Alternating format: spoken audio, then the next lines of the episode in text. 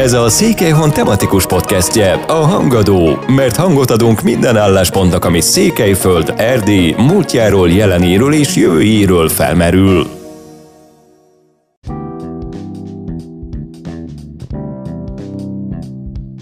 Frigyesi Ágnes, budapesti újságíró, mint egy 50 erdélyi könyvemutató keretében ajánlotta olvasóinak a 2017-ben megjelent Az út csodásan működik című interjúkötetét. A kiadványban a kommunista rendszer megpróbáltatásait elszenvedő három lelkipásztort mutat be. Tőkés István teológiai tanárt, egykori püspök helyettest, Tőkés László édesapját, Ferenci Béla Ervin csíksomői szerzetest és a szintén erdélyi származású, de kecskeméten elhunyt Bíró Antal Jánost. A három lelkipásztor közel száz éves korában hunyt el, egyik sem érte meg a kötet megjelenését. A szerző tavaly kiadott újabb kötete, íme az én szeretett fiam, Bőte Csaba Ferences szerzetes életútját mutatja be képes riportkönyvben. Frigyesi Ágnes első interjú kötete 1990-ben jelent meg a rendszerváltó magyarországi politikusokról, és azóta számos közéleti személyiséggel beszélgetett. Kedvenc témája az egyházak szerepvállalása mai világunkban. Frigyes Ágnessel a Kolozsváron megtartott legújabb könyvemutatója alkalmával beszélgettem. Két kötet bemutatására érkeztél újabb erdélyi körútra. Az első kötet az út csodásan működik, pár évvel ezelőtt jelent meg, és már jártál vele erdélyi könyvemutatón, ugye többek között Kolozsváron is. A legújabb kötet pedig uh, uh, tavaly került a könyvesboltokba, és főleg képekben mutatja be Bőte Csaba Ferences rendi szerzetes életútját. Tehát az eddigi tapasztalataid szerint milyen ezeknek a köteteknek a fogadtatása itt Erdélyben, az erdélyi olvasók körében? Szeretettel köszöntöm a hallgatókat. Úgy, úgy gondolom, hogy, hogy ismerték, ismerik ezeket az atyákat. Ugye Ferenc Béla, Ervin Ferences testvér, Bíró János Antal szintén Ferences, és Tőkés László, református teológus, professzor, lelkész életútját mutatom be, az Úrcsodásan működik című könyvemben, és a másik könyvben pedig ugye Bőte Csaba testvérnek az életútják. Csaba testvér még él, és ugye nagyon szeretik, kedvelik, ugye árva nehézsorsú gyermekek megmentője. A másik három atya pedig a könyv megjelenése után 2016-ban sajnos mindhárman elhunytak, de az emlékük még olyan eleven, nagyon szerették őket a hívek, hogy mindhármukat nagy tisztelet övez. Uh-huh. És ez a könyvbemutatókon is érződik. Uh-huh. Tehát kb. hány könyvbemutatón jártál eddig Erdélyben?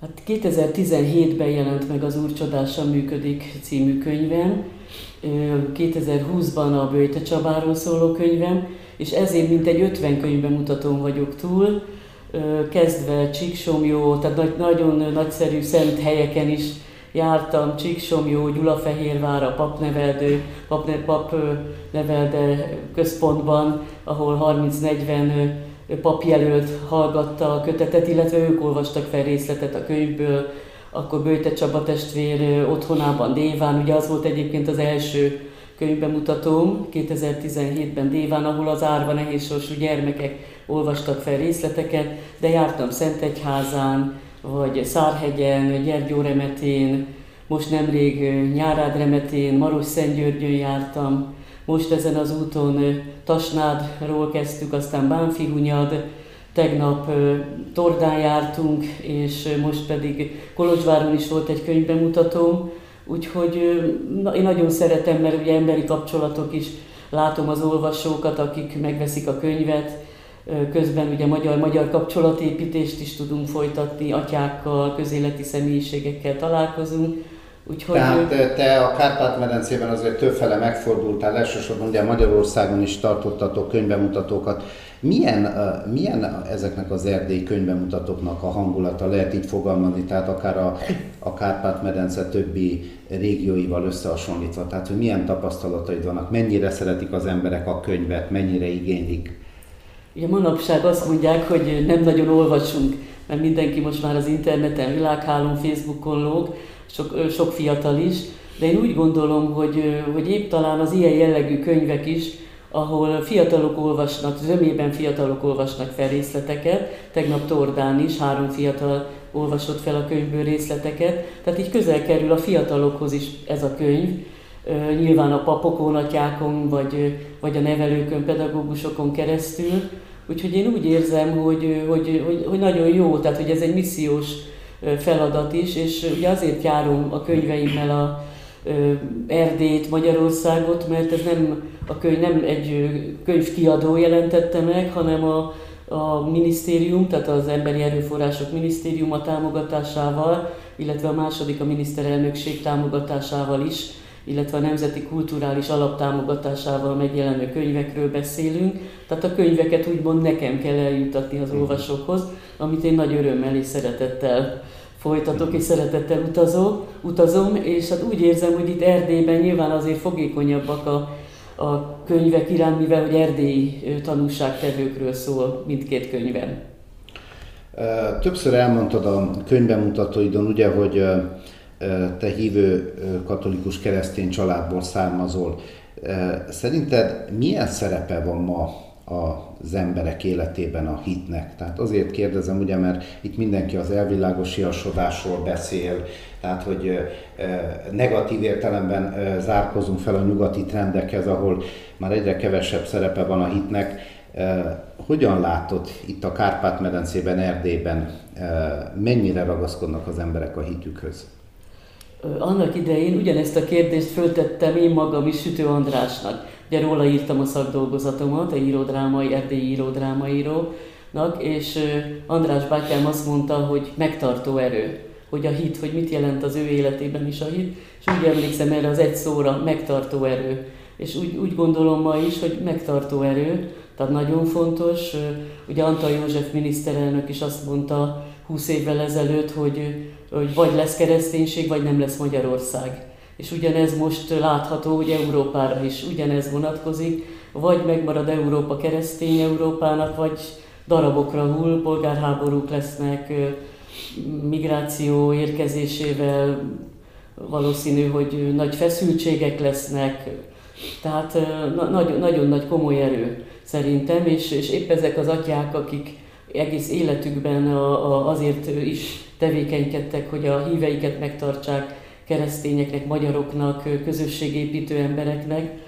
Nagyon fontos Csaba testvér is, ugye nem csak a gyermekeket védi, megmenti, hanem Magyarországon egy-egy szentmise alkalmával missziós feladatot is teljesít azzal, hogy állandóan telt ház van a szentmiséjén. Tehát szeretik, oda mennek, meghallgatják, tehát az ilyen papokra nagy szükség van. A három lelki pásztor, akit te a kötetetben bemutatsz, az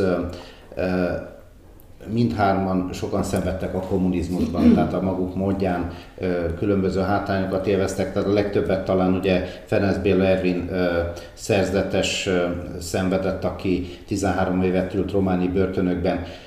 Amikor vele beszélgettél, tehát hogyan jelent meg ez a kommunista időszakbeli üldöztetés, tehát ő hogy emlékezett erre? Először ugye fel kellett készíteni rá, hogy készítsük el ezt a beszélgetést, mert a jövő számára ez nagyon fontos. És, és aztán ő ezt ki is fejezte az interjú végén, hogy azért nyilatkozott, hogy, hogy valóban ez az utókor számára is megmaradjon, és hogy én is megmaradjak a keresztény úton. Tehát ezt is hozzátette. Mm, hát meg, végül is megnyílt Ervin atya, de azért ugye egy több éves ismerettségnek is köszönhető ez, hogyha én Erdélybe jöttem általában Szárhegy, ha arra vezetett az utam, akkor bementem Ervin atyához egy-egy beszélgetésre, és amikor szóba került, hogy egy életmű interjút kéne készíteni, és hogy erre még vállalkozzon Ervin atya, akkor, akkor azt mondta, hogy, hogy igen, igen, persze készítsük el, és ez úgy készült egyébként, hogy én Darvas Kozma atya Esperes plébános atya plébániáján kaptam egy vendégszobát Csíkszeredában, és akkor József atyáéktól mentem ki rendszeresen Csíksomjóra, akkor már ott élt az utóbbi egy-két évben Ervin atya, és több napon keresztül mindig délután kimentem, és egy-két órát beszélgettünk. És ezek magnó felvételek voltak, és ezt követően aztán leírtam, illetve átküldtem Ervin atyának interneten, és hát az is csoda, hogy ő 95 96 évesen még, még internetezett. és az interjúk leellenőrzése, hogy minden pontos legyen, jó legyen, ne legyenek benne tévedések, megkérte ő Urbán Erik testvért, a Csíksomjói egy templom igazgatóját, hogy üljön mellé és együtt nézzék át a, a beszélgetést, és ez így is történt. És volt, amikor sürgető levelet írt Ervin atya, hogy küldjem, küldjem, mintha érezte volna, hogy már meg fog halni, meg volt, amikor jelezte, hogy most Erik testvér nincs itthon, majd két hét múlva. Tehát ilyen nagyon-nagyon jó együttműködés volt köztünk úgy is, hogy én Budapesten éltem, Ervin atya meg ugye Csíksomjon, de az internet összekötött minket. Tehát végül is egyikük sem érte meg a könyv megjelenését? Sajnos nem. De István bácsi a századik életévében hunyt el, Ervin atya, ha jól emlékszem, a 97 és Bíró János Antal a 99. évében. Tehát rendkívüli életú, életútat jártak be a kor tekintetében is. Mhm.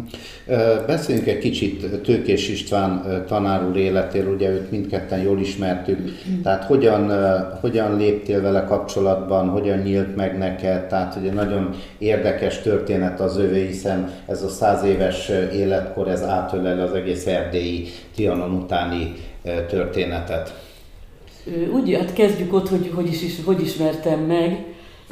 Mint újságíró, tudósító rendszeresen jártam Nagyváradra, Tőkés László Püspök úr meghívására, és, és ott találkoztam István bácsival, egy konferencia után volt egy közös vacsora, és ő is ott felszólalt, felállt, és úgy, úgymond egy ilyen rövid prédikációs, egy olyan beszédet mondott, amire fel kellett figyelni és mivel én gyermekkorom óta szerettem a, az idősebbek, az okos, úgymond okos emberek között ülni és hallgatni őket, tehát amíg a, a velem egykorúak azok játszottak, én sokszor a nagyapám vagy nagymamám mellett ültem, és inkább őket hallgattam. És az, ahogy nőttem, valószínű az újságírói véna már megnyilvánult, hogy úgy érdekelt, mind, mindig érdekeltek az emberi sorsok, és, és István bácsihoz is, amikor jöttem Kolozsvárra, bejelentkeztem és aztán ebből, ebből az lett egy 10-15 éves atyai, nagyap, mintha nagyapám lett volna kapcsolat, hogy amikor jöttem Kolozsvárra, akkor bekopogtam, jel, persze jelentkeztem előtte, hogy jönni fogok, és ő szívesen fogadott és beszélgettünk. Erről, arról érdekelte egyébként az újságírói létem, hogy hogy mehet, hogy működik most egy egy keresztény újságíró hogy tud megjelenni, hol tud megjelenni, milyen lehetőségek vannak, milyen nehézségek vannak. Nekem akkor hunyt el a nagyapám, amikor én őt megismertem. És úgy éreztem, hogy egy kicsit a nagyapám helyett nagyapám lett. Nagyapám is egy nagyon okos valaki volt, azért hozzáteszem, Temesváron született, csak sajnos aztán átkényszerült az egész család Magyarországra. Igen, és említetted a könyvben mutatódon, hogy, hogy katonatiszt volt, tehát hogy neki is egy érdekes pályája igen. volt. Igen, igen, hát nagyapa a Vásonkői Várkonyi László, egy nemesi 1500-as évekig vezeti vissza a családfát. Ő Temesváron született, és hát Ludovikán tanult, tehát nagy magyar lelkülettel, érzéssel, hogy ő majd visszafoglalja a hazáját, szülőföldjét, Ludovikára került, és tudjuk, hogy nagyon nehéz volt bekerülni, tehát komoly kritériumoknak kellett megfelelni és, és hát azt követően pedig Horti vezérkari tiszt is volt, és a 24. hadosztályt hazahozta egyébként, de aztán börtön, kitelepítés, és hát mindenféle nehéz hátratétel volt az élet sorsa sajnos, és hát ugyanez nagymamámnak, aki pedig felvidékről, Gömör megyéből származott, egy úri lány volt a nagymama, egy nagyon szép földbirtokosok voltak, nagymama megszokta, hogy sajnos édesanyját korán elveszítette, hogy ő, vezette végül is ott a gazdaságot, és aztán nagyapámmal együtt ugye egy nagyon szép pálya előtt álltak volna, ha nem jött volna a kommunizmus. Így viszont mindent elvettek mind a két oldalról, és Tehát a te életedet is ez végül meghatározta már a Kádár rendszerben az a családi örökség, ugye? Tehát innen is származik az, hogy ennyit foglalkozol ezekkel az üldözött lelkészekkel, a sorsukkal. Így van, pontosan rátapítottál a, a lényegre, hogy úgy éreztem mindig nagyapáról is, hogy ő belső emigrációban él. Tehát ugye voltak a nyugaton élő emigráns magyarok, akik elkényszerültek, és nagyapa meg egy ilyen belső emigrációban élt, meg is fogalmazta egyik versében, verseket, drámákat írt, hogy én Várkonyi László a rab. Tehát, hogy ott Kecskeméten ő rabnak, ha nem is volt börtönben, akkor is úgy érezte, hogy be van zárva. És még azt tenném hozzá, hogy egyébként nyugaton élő katonatiszt barátai hívták, hogy jöjjön ki Amerikába, bárhova, Nyugat-Európába mehetett volna, és nagyapa azt mondta, hogy nem, mert ha mindenki elmegy, akkor kimarad itthon. Tehát ilyen lelkülettel élte végig az életét. Egyébként most az életsorsukat írom, szeretném feltárni, ugye nagymama angol kisasszony volt, oda járt az angol kisasszonyokhoz, hogy hogy apácák, ez egy apáca ugye, iskola rend, hogy hogy tanították akkor a gyermekeket mire. A nagyapa ugye piarista diák volt, az is egy egyházi iskola, szeretném ezeket is a jövőnek, a fiataloknak is megmutatni. Egy kicsit kordokumentum is kordokumentum lesz ez, ugye? is, így van, így van, és nagyon sok szép fotó áll rendelkezésre és akkor, akkor nem is szólva arról, hogy a család rokonságába beágaznak a bazilideszek, Bazilides Mária énekművész, az a nagyanyám, nagymamájának a testvére volt, tehát egész közeli. Bazilides Mária ugye a korának egyik híres alt énekes nője volt, és Kecskeméten Kodály Zoltánnal és Bartókkal kecskeméti koncerteket is adott, és akkor mindig meglátogatta a családot. Tehát ezt az ágat is én szeretném feltárni. Kanyarodjunk vissza a Bőte Csaba munkássághoz. Ugye a Dévai Ferences rendi szerzetes mutatott be a legújabb kötetetben. Vele nagyon sok újságíró készített már interjút, tehát ő egy közismert ember, egy, e, egy híres ember. Ez a te könyved, ami ugye tavaly jelent meg, mennyire, mennyire más, vagy hogy így fogalmazzam, milyen szempontból mutatja be az életútját? Nagyon jó a kérdés, József, mert szerintem egyedülálló abból a szempontból, hogy ahogy mondtad, hogy nagyon sok újságíró készített vele interjút, viszont azt hiszem egy újságíró sincs, aki 18 éven keresztül követte volna Csaba testvér újságírói, illetve missziós munkáját, én 2001-ben ismertem őt meg, amikor felkértek, hogy készítsek vele egy interjút, akkor még nem volt közismert, épp azért szóltak Kis Melita, a Magyar Örökségdíj titkár, tit, titkárnője, hogy van egy pap, aki árva nehéz sorsú gyermekeket karolt, karolt fel, de nem nagyon ismerik és meg kellene szólaltatni. Így készítettem el Csaba testvérel az első interjút, ez 2001-ben volt, szerepel is ebben a kötetben, és aztán ugye eltelt 18, most már 19 év is, és amikor tehettem, amikor erre jártam, tudtam, hogy vagy egy kápolna szentelés van, vagy egy otthon felszentelése, vagy Csaba testvér jött Magyarországra, missziós körútra, akkor ha tudtam, ott voltam, tudósítottam, volt, hogy fotóztam is, ugye az utóbbi években már fotóztam, és több ezer fotó összegyűlt, és a könyvnek jelentős része a fotóimból képkollázsok formájában, 65 képkollás szerepel a könyvben, tehát azt hiszem, hogy egy rendkívüli végül is a, a 18 év munkásságának a csokra, nem teljes egyébként. Még Amúgy ő hogy fogadta ezt a könyvet, mert ugye ő most is aktív, tehát találkoztál vele, mi volt róla a vélemény? Ő egy szerény ember, tudni kell róla, egy visszahúzódó, már olyan értelemben, hogy nem nagyon szereti, ha reklámozzák, mert hogy épp elég reklámot kap a nélkül is, és sok újságíró ugye valóban, ha megjelenik, akkor fotózzák, írnak róla, stb. Úgyhogy ő mondta, hogy nem, nem, erre semmi szükség.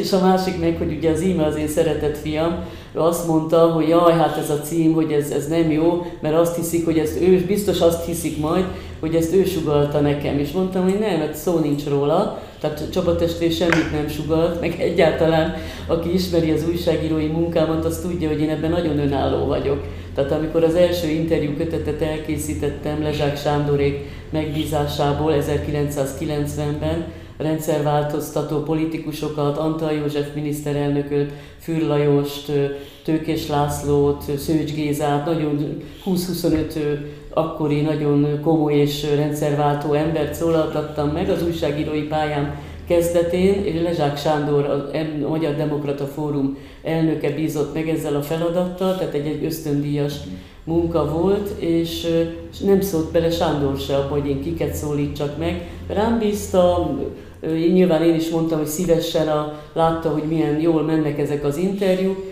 és, és teljesen álló kezet kaptam. Tehát én ezt megszoktam, hogy nekem senki nem mondja meg. Ez egy nagy tévedés, hogy azt hiszik, hogy, hogy biztos valaki súg a háttérből, hogy én kit keressek meg. Például ezt is, hogy Csaba testvér mellé aztán így idézőjelben önkéntesként odaszegődtem, senki nem mondta. A, a Mádi Dalma, Hámori József professzor úré az indulásnál ott voltak, de utána nekem senki, hogy én kövessem, vagy írjak róla, én belső indítatásból, és ez nagyon fontos, mert Csaba testvér is ettől félt, hogy azt hiszik, hogy, hogy ő, ő sugalt ezt. Nem, ő, ő sem, én, én, az én belső indítatásom, meg a jó Istennek a nyilván. Ugye téged mostanában elsősorban ezekről az egyházi személyiségekről szóló könyvekkel kapcsolatban ismernek, de hát említetted az előbb, hogy a hmm. rendszerváltás idején, a rendszerváltás évében jelent meg az első interjú kötetet.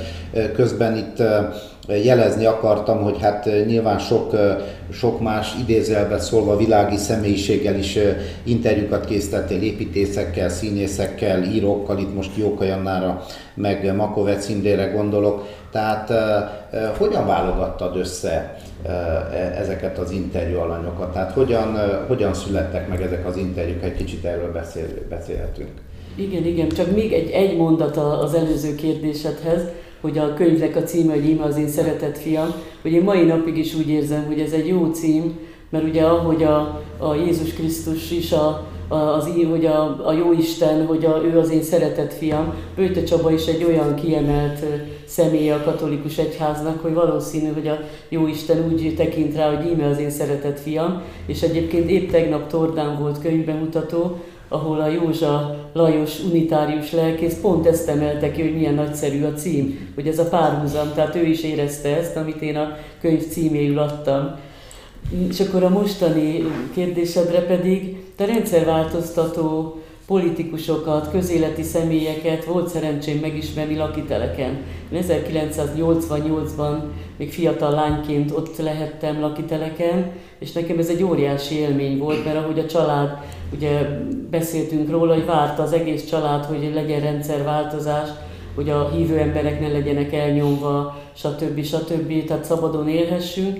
Úgyhogy úgy vártuk a rendszerváltást, mint a messiást, és én fiatal lányként is nagy, nagy örömmel mentem lakitelekre, aztán Budapesten voltak rendezvények, és hát ott ismertem meg Makovec Imrét, Jókai Annát, Paplajost, Csaba testét, ugye ahogy említettem, neki, rá már ugye szóltak, hogy kellene vele interjút készíteni. Tehát én azt hiszem, egy nagyszerű közéleti személyiségek közé kerülhettem, és, és ott csak majdnem körül kellett néznem, hogy akkor tényleg kit is kellene megszólítani.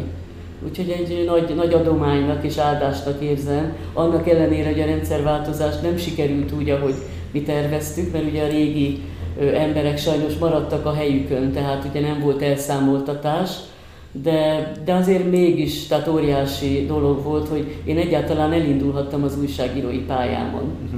Az újságírói pályádról, az indulásról akartalak kérdezni, ugye te tanári, tanári képesítést kaptál, néhány évig tanítottál is, tehát hogy történt ez a váltás? Hát akkor talán annyit, hogy a főiskolán Sütő András írói munkásságáról írtam a szakdolgozatomat, és aztán meg is, meg is ismertem Marosvásárhelyen, ismerőseim ismerték a jeles írót, és aztán elkerültem hozzá, és egy atyai barátság kötött egyébként Hányban jutottál először el Erdélybe? A 70-es években, hmm. tehát ilyen 10, 10 hmm. éves körül, hmm. mert hogy voltak rokonaink, igen, tehát igen, apámmal igen. rendszeresen jártunk Marosvásárhelyre, a nagynénémékhez, és úgyhogy 8-10 éves. Igen, El, igen. Első, úgy idézőjelbe, tehát első külföldi út volt, mm. mert ugye apám mindig mondta, hogy ez nem külföld, Erdélybe megyünk, mm. de az, az óvodában, iskolában ugye nem is hallhattunk Erdélyről abban az időben. Úgyhogy, mm. úgyhogy rendszeresen jártunk, és, és hát Sütő Andrást megismerve, szakdolgozatot róla írva, aztán, aztán még ugye többször jöttem, Erdélybe, aztán Tőkés László püspök úr hívására érkeztem többször, akkor Ervin atyát megismertem, úgyhogy aztán úgy belaktam idézőjelbe Erdélyt, és hát rendszeresen járok mai napig. Uh-huh. És ez szerencsés volt ez a váltás, tehát hogy elégedett vagy végül is azzal, hogy újságíró lettél, ugye tanári pályát hátrahagyva, vagy teljesen más igen, igen, igen, kérdezted, igen, hogy hogy. Hát ez úgy történt, hogy ugye pedagógus, magyar könyvtárszakos pedagógusként indultam, de már a főiskolás koromban, sőt, gimnáziumban a magyar tanárnőm azt írta az egyik tengerről szóló nov- írásomra, hogy miért nem írsz ebből novellát. És akkor ugye elgondolkoztam, hogy mi is az a novella, hát ez még ugye egy kis abszolút, talán gimnázium, vagy még, még általános, nem, gimnáziumban volt ez, és kiváló magyar tanáraim voltak egyébként, és aztán ugye főiskolán Sütő András írói munkásságáról szólt a szakdolgozatom, és akkor már verseket is írtam, tehát az írói tehetség akkor már azért megnyilvánult, és a rendszerváltozáskor már egy-egy tudósítást írtam, és meg hát apámmal bejártuk Európát, ahogy lehetett, két-három évente, a 70-es évektől kezdődően, Finnország, Svédország, Dánia, Franciaország, Spanyolország, tehát Olaszország, ezek óriási élmények voltak, és sokszor atyák segítségével jutottunk el egyébként például Rómába a, a Szent István házban, ott szálltunk meg, ott voltak piarista atyák, Rupert József atya most is ott van, ott szolgál, úgyhogy egész Európa szerte azért mindenhol vannak atyák, és, és sok hely, nem mindenütt, de sok helyütt ők segítettek az elszállásolásban, és ez is nagy élmény volt, és apám vette nekem az első fényképezőgépet, ezt ezért meséltem mm. most el. És, és, és akkor emlékszem, hogy második János Pál pápának a, a egyik ilyen audenciáján ott lehettünk, és a kis fény, Németországba vettük a fényképezőgépet, vagy vette apu, úgyhogy azzal nagyon gyönyörű képeket tudtam készíteni. Nem volt az egy komoly fényképező, de, de meg tudtam örökíteni például ezt a történelmi eseményt. Ha az elmúlt 30 év újságírói munkásságát, újságírói pályafutását számba veszed, ez eh, Anyagilag mit jelentett? Tehát olyan értelemben kérdezem, hogy te több időszakban is szabadúszó voltál. Most nyilván, hogy egy e, sikeresebb, szerencsésebb időszak van, meg vannak alkotói ösztöndíjak, alkotói pályázatok, de hát régebben ez azért egy jobboldali újságírónak, egy keresztény szellemiség jobboldali újságírónak nem adatott meg. Tehát milyenek voltak ezek a 90-es, 2000-es évek? Mondjuk mondtad az Antal József időszakát, át ő négy évig, négy évig volt miniszterelnök gyakorlatilag. Igen, nagyon nehéz, változó. Tehát változó. Ugye amikor elindultam az újságírói pályán, akkor nagy lelkesedéssel indult el az ember, aztán megszűnt például a Világszövet, Magyarok Világszövetségének, ez a Csóri Sándor idejéről beszélünk, Sütő András volt a tiszteletbeli elnök, én akkor ott munkatárs voltam, de hát egyik napról a másikra megszűnt az újság, akkor említenék egy másikat, a kis újság, a kis gazda pártnak a nem keresztény, vagy nem csak vallási újságja, de volt benne egy hitéletrovat, ott én azt vezethettem, hogy nagy élmény volt számomra, mert az ökumenikus szellemben íródott az az oldal, amit rám bíztak, az is megszűnt, úgyhogy, úgyhogy nagyon nehéz, nem, nem volt ez egyszerű, ez a 25-30 év. Volt, amikor, hát ugye Csaba testvér, ez a 18 év, amit én így tudósítóként, fotóriporterként megéltem, az abszolút önkéntes munka, tehát én azért egy fillért nem kaptam.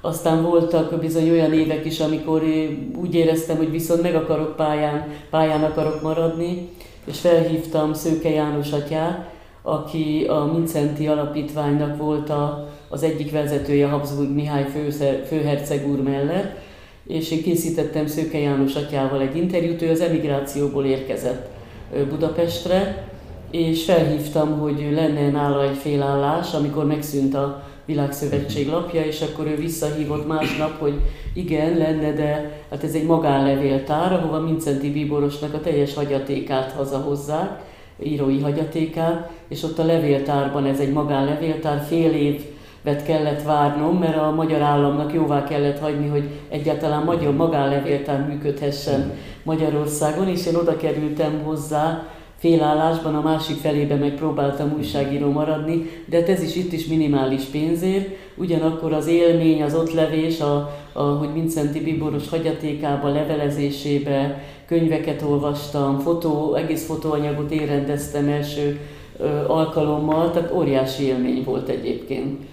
Tehát meghúzódva ott a felső Svábhegyi úton egy nagyon szép épületben volt az alaksorban a, a levéltár, tehát ez egy visszahúzódó három év volt, de nagyon nagy élmény, és innen kerültem én aztán a kis újsághoz, és akkor már Semjén Zsolt is ugye ismert, Balogh Zoltán is ismert. Szőke János atya egyébként ugye a, ezeknek a Szent Jelő Mártonáron, Apor Vilmos és több papjelöltnek volt a posztulátora, ami azt jelenti, hogy a Vatikán felé ő vitte az ügyeket, úgyhogy egy táglátókörű, nagy tudású emberről beszélünk.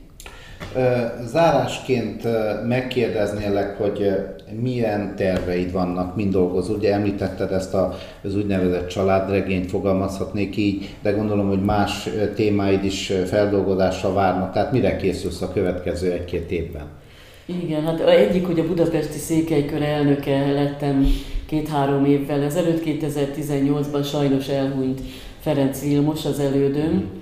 Ez egy 32 éves civil szervezet, a Budapesti Székelykör, ahol aktívan tevékenykedünk, közéleti rendezvényeink vannak, tehát az az újságírói interjúkészítő munka, amit megkezdtem 25-30 évvel ezelőtt, azt itt folytatom, tehát jeles közéleti személyiségeket hívunk meg, most Novák Katalin szeretnénk majd meghívni, de Balogh Zoltánra is gondoltunk, hogy decemberben őt hívjuk meg, aztán Kassai Lajos íjász, lovas íjász, és hát olyan nagyszerű közéleti magyar személyiségeket hívunk meg. Ugyanakkor kirándulunk is, vannak honismereti kirándulásaink, jártunk most az elmúlt hónapban Kalocsán, de tavaly Esztergomban, Mátraverebély Szentkúton, helyekre készülünk, meg, meg jártunk, és, és emellett ugye vannak az erdélyi utak is, a budapesti székelykör most már támogatni tudja ezeket az utakat is, könyvbemutató körutakat is, úgyhogy nagyon aktívan tevékenykedem ezen az oldalon, mint elnök,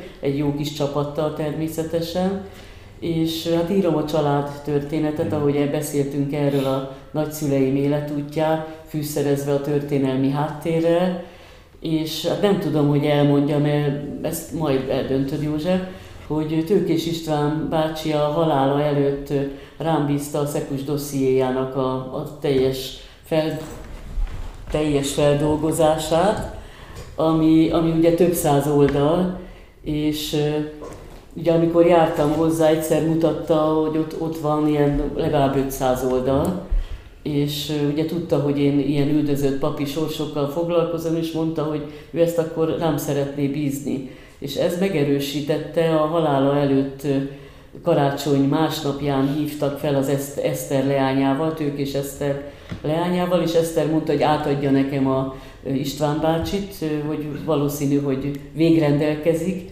és akkor mondta István bácsi, hogy kicsi Ági úgy hívott, hogy ő rám hagyja, az, azt, tehát azt a feladatot azt, azt rám bízza, és hogy ne törődjek senkivel és semmivel. Szinte ezek voltak a utolsó mondatai, hanem ezt készítsem el, és én úgy gondoltam az első perctől kezdve, hogy ezt Eszterrel közösen kellene ezt a kutató munkát elvégeznünk, mert ugye át kell nézni, hogy mi az, amit használnánk, mi az, amit nem, ezt Eszterre gondoltam, hogy ő válogatná ki, úgyhogy egy nagy feladat ez is, hogyha a család... Tehát ebből is könyv készülne. Igen, ebből is könyv készülne, és ezt ugye jövő évvégén zárom le a családtörténetemet, tehát 22-23-ban kerülne sor erre a, a nagy munkára.